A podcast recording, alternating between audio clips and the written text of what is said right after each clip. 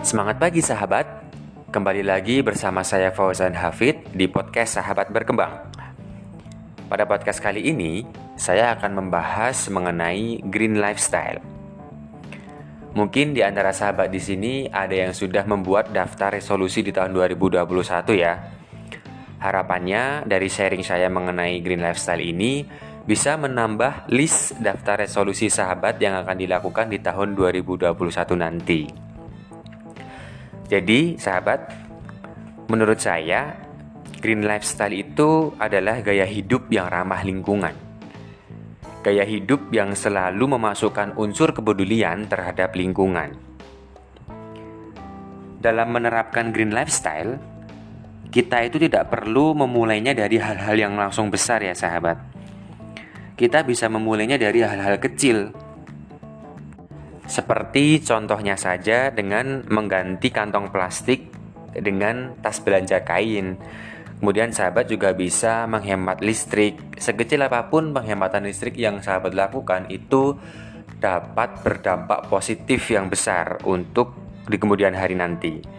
Kemudian bijak dalam menggunakan air, melakukan pengelolaan sampah dengan metode 3R ya sahabat. Mungkin tidak asing lagi dengan reuse, reduce, recycle di pengelolaan sampah tersebut, sahabat bisa juga mengelola sampah atau mendaur ulang sampah plastik itu menjadi ekobrik sahabat. Jadi ekobrik itu adalah batu bata yang ramah lingkungan. Jadi ekobrik ini pure dari sampah plastik sahabat. Bahan-bahannya dari sampah plastik kering dan botol plastik bekas yang nantinya ekobrik ini bisa kita daur ulang, bisa kita jadikan sebagai meja, bisa juga sebagai kursi, ataupun benda-benda lain yang bermanfaat yang mungkin bisa bernilai ekonomi tinggi sahabat. Contoh dalam penerapan green lifestyle lainnya, sahabat bisa menggunakan produk-produk yang ramah lingkungan. Kemudian sahabat juga bisa menggunakan sepeda atau mungkin berjalan kaki apabila akan berpergian dengan jarak yang bisa dijangkau ya sahabat ya. Jadi sebenarnya untuk melakukan green lifestyle itu tidak terlalu rumit ya sahabat. Yang tentunya pastinya harus dimulai dari niat diri kita sendiri dulu untuk mengubah habit kita dan pola pikir kita untuk melakukan green lifestyle, untuk melakukan gaya hidup yang ramah lingkungan itu tadi.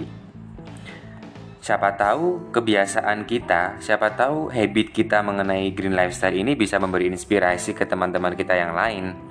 Yang tentunya hal tersebut sangat bisa bermanfaat untuk di kemudian hari nanti. Manfaat lainnya dari kita melakukan green lifestyle itu salah satunya bisa mengurangi global warming, sahabat. Yang di mana di beberapa waktu yang lalu kita telah mengetahui ya sahabat ada salah satu gunung es terbesar di dunia itu yang sudah terpecah belah menjadi dua. Itu merupakan salah satu tanda dari dampak buruk atau adanya global warming ini. Jadi, kalau bukan kita, siapa lagi sahabat yang akan melakukan perbaikan terhadap bumi ini?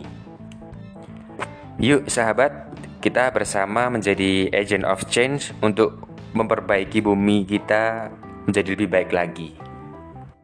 Semoga sharing saya mengenai green lifestyle ini dapat bermanfaat bagi sahabat semua dan tentunya semoga bisa menjadi tambahan daftar resolusi di tahun 2021 nanti ya sahabat. Sekian dari saya, sampai jumpa di podcast selanjutnya dan salam berkembang.